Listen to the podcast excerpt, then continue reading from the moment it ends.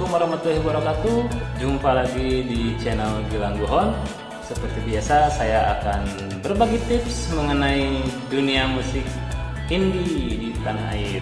Dalam video kali ini saya akan mencoba berbagi tips mengenai apa saja yang harus kita perhatikan sebagai musisi pemula ketika kita ingin memasuki industri rekaman. Sebelum saya bagikan tipsnya, jangan lupa subscribe dulu channel Gilang Buhon. Jangan lupa nanti tekan like. Nanti di akhir video jangan lupa beri komentar. Yang mau tanya-tanya boleh. Yang mau berbagi informasi juga di kolom komentar saja. Dan jangan lupa nanti share video ini agar teman-teman musisi yang lainnya, khususnya musisi pemula, dapat informasi juga dari video ini. Ya, baik kalau yang sudah subscribe saya ucapkan terima kasih. Langsung saja ke tips yang pertama. Hal pertama yang harus kita perhatikan sebagai musisi pemula ketika ingin memasuki industri musik adalah pastikan kita atau band kita atau grup musik kita itu sudah punya lagu sendiri. Lebih banyak lebih bagus sehingga eh, kita punya nanti punya alternatif mana yang akan dijadikan lagu andalan ketika kita akan masuk ke dunia rekaman. Kalau sudah punya lagu sendiri sudah siap komposisi musiknya sudah siap aransemennya baru teman-teman langsung ke studio musik untuk melakukan proses rekaman ya. Dari sudah rekaman lalu proses mixing, mastering dan sebagainya sehingga lagu itu siap untuk dipasarkan. Otomatis hal yang kedua yang harus diperhatikan adalah pemasaran lagunya. Nanti teman-teman mau memasarkan lagu itu ke mana?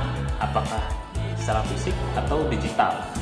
Nah, di video sebelumnya saya sudah memberikan tips bagaimana cara untuk memasarkan sebuah lagu atau untuk memasarkan lagu kita sendiri. Ini linknya ya, nanti perhatikan linknya ada di sini. Tips berikutnya adalah pastikan kita punya pendengar setia agar nanti lagu yang kita pasarkan itu sampai ke telinga pendengar kita masing-masing baik itu membeli album secara fisik atau mendengarkannya via streaming di platform-platform digital. Nah, itu sebagai sumber pendapatan kita selaku musisi ya. Namun sebelum itu pastikan nama kita sebagai musisi itu betul-betul dikenal oleh masyarakat. Ya pastikan nama kita atau nama band kita itu dikenal luas oleh masyarakat.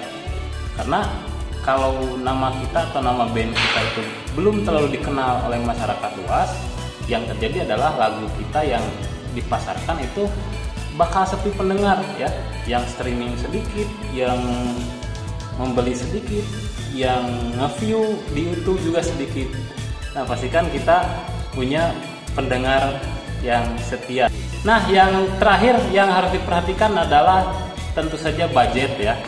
Budget masing-masing musisi itu mempunyai kebutuhan yang berbeda dalam hal mungkin pemasaran, untuk branding dan segala macam. Pastikan kita sebagai musisi juga punya budget tertentu untuk biaya operasional kita sebagai musisi.